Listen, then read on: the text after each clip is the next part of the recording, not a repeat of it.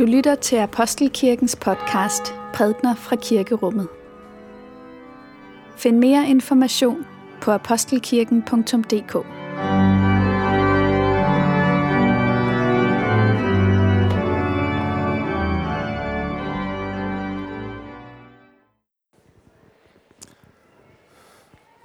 God formiddag alle sammen, og velkommen til gudstjeneste i Apostelkirken. Nu er julen over for denne gang, og vi bevæger os ind i Helligtrekongers tiden eller Epifanitiden. Det er en tid, hvor i de tekster, vi læser, der viser Jesus os noget vigtigt om, hvem han er. At han ikke bare var et almindeligt barn, men at han også er Gud. I dag der skal vi høre teksten om Jesus som 12-årig i templet. Og jeg har valgt at kalde temaet Der, hvor Jesus er, og du kan følge med i gudstjenestens forløb i folderen her. Himmelske Far, hos dig er der godt at være. Din dør står åben for alle, der søger. Alle os, der ikke ved, hvor vi ellers skulle vende os hen. Hos dig har vi hjemme. Vi beder dig, tal til os nu, for vi søger din velsignelse. Lad din ånd fylde os og dette hus med liv, så ordene og salmerne løfter sig, nadveren favner os, og vi kan vende hjem klogere og mere kærlige, end da vi kom.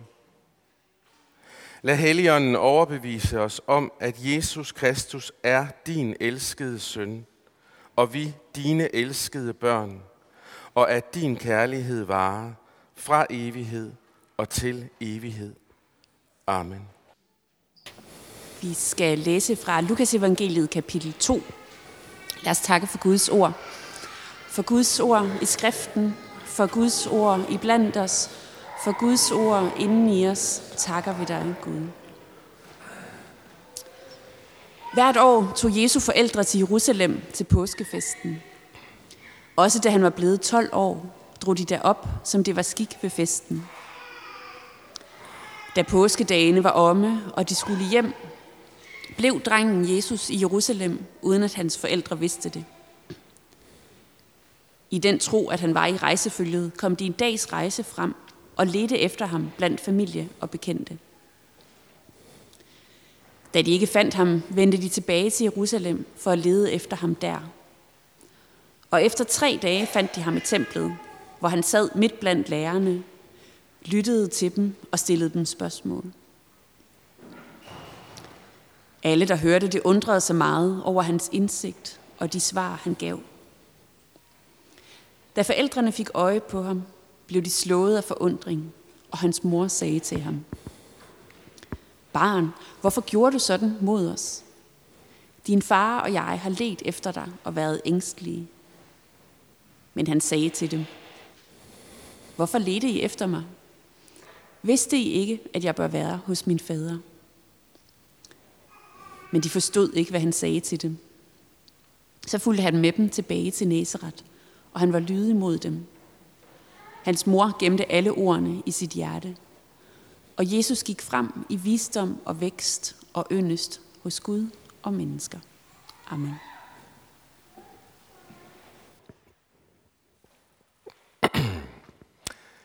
Der er i de bibelske skrifter en fortælling om Herrens tempel, som binder det gamle og det nye testamente sammen med Jesus, og som binder os sammen med Jesus.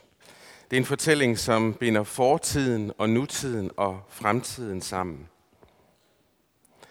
Man kan sige, at den fortælling begynder med, at det, det, den plads, som templet havde og har for jøderne. Templet lå på Jesu tid centralt i Jerusalem, og det var center for jødernes tro. Det var her, man bragte takoffre. Det var her, man gemte på pagtens ark med de hellige lovtavler, som Moses havde fået af Gud. Det var her, hvor øverste præsten havde adgang til Gud, fordi i ny og næ, så kiggede Gud altså forbi og var nærværende med sit mægtige nærvær. Den Gud, som var skjult og svær for øje på, ham kunne man møde i templet. Det var altså her, man med sikkerhed kunne sige, at Gud var. Og Guds tilstedeværelse i templet understregede, at det jødiske folk havde en særlig status over for Gud, som Guds folk.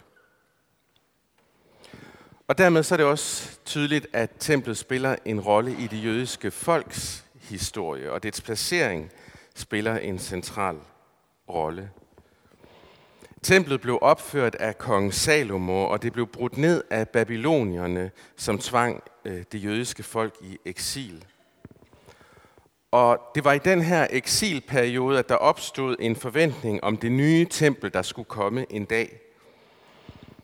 Det var et håb om, at der igen en dag skulle være et sted, hvor Guds herlighed skulle fylde huset, som profeten Ezekiel han øh, udtrykte det fra, fra eksilet. Og den efterfølgende genopførelse af templet blev både et udtryk for den frihed, det jødiske folk havde fået igen genvundet. Det blev et udtryk for den selvstændighed, de havde. Og ikke mindst så blev det et udtryk for Guds trofasthed mod dem. Der skete dog det senere, at templet blev vandhelliget, og så blev det generobret af makabæerne, og det er den beretning, som ligger til grund for den jødiske Hanukkah-fejring, som netop har været. Så det her tempel, vi, vi taler om, og her hvor vi finder Jesus i dagens beretning, det var altså med andre ord et lidt skrøbeligt eller sådan vakkelvognt sted, som Gud havde valgt til at være sin bolig på menneskes, menneskernes jord. Det var et hus, der kunne ødelægges, besejres, belejres, og også i dag, der længes man i Jerusalem efter et tempel, som i sin pragt kan få lov til at stå længere end det tempel, som Jesus besøgte, og som for altid blev ødelagt omkring år 70. Det var altså det her sted, hvor Gud han kom for at være nær ved sit folk, og derfor var det skik, som Lukas skriver det for Jesus og hans forældre og de andre i det jødiske folk at drage til Jerusalem til påskefaringen, som jo er fejringen af befrielsen fra slaveriet i Ægypten. Og her i templet, der slår Jesus sig altså ned som en stor dreng i, i sådan en grad, at hans forældre, de kan simpelthen ikke, øh, de kan ikke finde ham. Ved I ikke, at jeg bør være hos min far? siger så den 12-årige Jesus til sine bekymrede forældre. Og de forstår ikke helt, hvad han siger, men men Jesus tager med dem hjem til Nazareth, hvor Maria gemmer de ord, han sagde. De forunderlige ord, dem gemmer hun i sit hjerte, og på et tidspunkt har hun altså givet videre af dem til Lukas, som kan give dem til os i teksten i dag.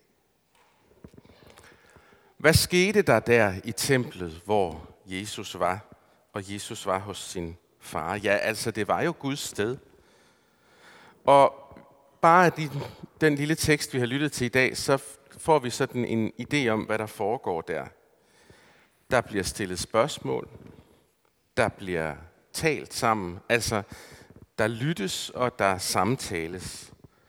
Der er plads til, at man kan undre sig, og der er plads til indsigt. Og det lyder som om, at nysgerrigheden har det godt der i templet, der hvor Gud er, der har nysgerrigheden det godt. Og nysgerrighed og det at lytte, det følges jo ad. Det, øh, det kræver lidt mod at være nysgerrig, for man ved jo ikke altid, hvad der venter for enden af, af den nysgerrigheden. Man ved ikke helt, hvad den leder en til. Nysgerrigheden har altid to sider. Den har den side, som den retter sig imod, og så har den det, som kommer fra afsenderen. Så nysgerrigheden siger altså også noget om den, der bærer på den. Man kan godt i et tempel eller i en kirke måske blive udfordret på sin nysgerrighed, hvis man nogle gange har fået at vide, at ens spørgsmål de var dumme eller uinteressante. Men det synes heldigvis ikke at være tilfældet her i den samtale, vi får et blik ind i mellem Jesus og lærerne i templet, Hverken for den 12-årige Jesus eller for de mennesker, han samtaler med. Der er ikke nogen, der kan vide alt om, hvem Gud er. Og derfor så er nysgerrighed en god vej at gå, hvis man vil lære Gud at kende. Men bruger vi vores nysgerrighed til at undersøge, hvem Gud er, så må vi altså også forstå, at øh, vi lærer os noget om os selv, når vi bruger vores nysgerrighed, for nysgerrigheden har sin rod i os. Så det at opsøge Gud, være nysgerrig på, hvem Gud er, der hvor vi ved, at vi kan finde ham i ordet, i dåben og i nadvånden, jamen det er også noget, der vil sige os noget om os selv.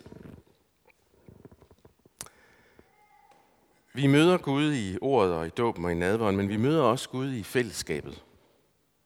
For der bor Gud nemlig også. Og det er det nye og grænsesprængende, som Jesu liv fejrer til fortællingen om templet og dets plads i troens verden. Det er faktisk helt vildt, det der sker med det her tempel. For der er ligesom en bevægelse fra det gamle testamente til det nye testamente og frem til os om, i, i den her historie om templet. For fra at være et fysisk sted, en bygning i Jerusalem, så får templet gennem Jesu liv og opstandelse en ny betydning. Lukas fortæller os, at der som 12-årig, der kunne de ikke finde ham i tre dage. Og der skulle komme en anden gang, hvor han i tre dage ikke var at finde, indtil han dukkede op igen. Og der er en bevægelse fra den dag, hvor han døde og forhænget i templet revnede, som Lukas senere skriver det.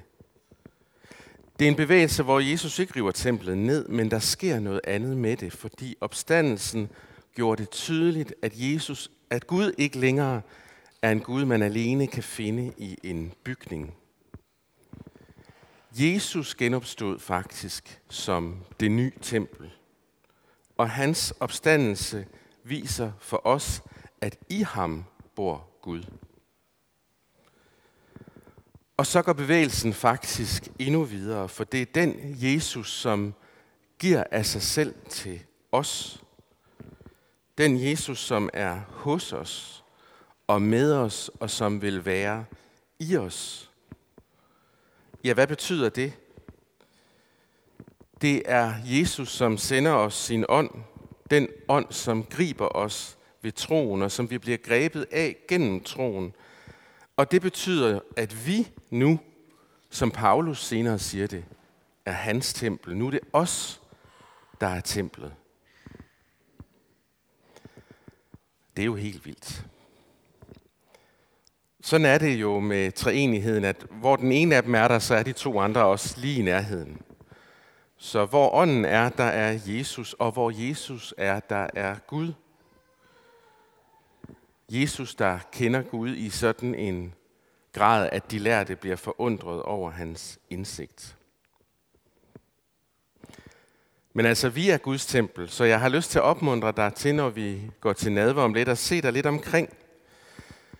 Det er ikke alene i den her 120 år gamle bygning, som ligger presset inde mellem West End og Saxogade, som er stedet, hvor Jesus er. Det er i dig. Og det er i de brødre og søstre i troen, som er omkring dig. Det er der, Jesus ønsker at bo.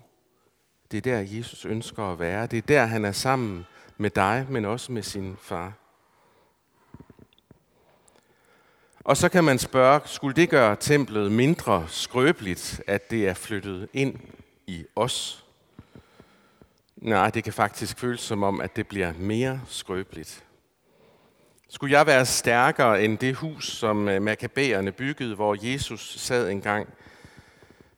Vi har jo både vand i knæerne og hovedpine, og indimellem en tro, der er alt andet end stærk. Hvordan kan vi være et tempel? Og jeg tror, det er rigtigt, at ja, jeg er skrøbelig, men vi er stærke. Ikke fordi vi er mange, men i kraft af, at Jesus er hos, hos os og vil være i os. Det, at vi er et tempel, at vi er Guds kirke sammen, det kommer til udtryk ved, at her, der definerer vi ikke blot det, vi er, ud fra det, vi kommer og giver, men fra det, vi får, det som Jesus giver os. Jesus, som gik ind i døden og fravristede den, den sin magt, og som gør, at vi nu kan se ind i fremtiden med et håb om, at en dag så skal templet ikke bare være inde i os. Nej, der skal vi bo i Herrens tempel sammen med ham. Da Gud lod sin ånd komme til mennesket, ja, så lod han mennesket blive det tempel, han skulle bygge. Menigheden, kirken, som er ud over jorden.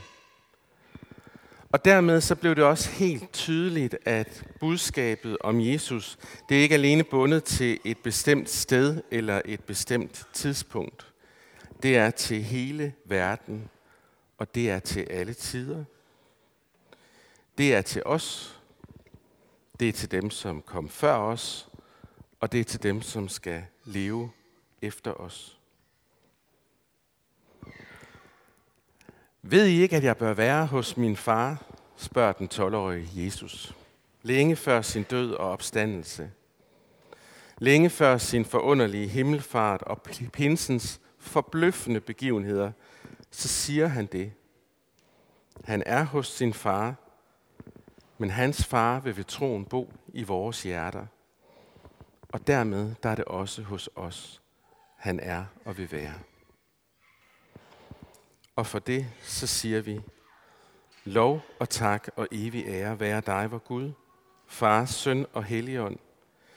Du som var, er og bliver en sand treenig Gud, højlovet fra første begyndelse, nu og i al evighed. Amen.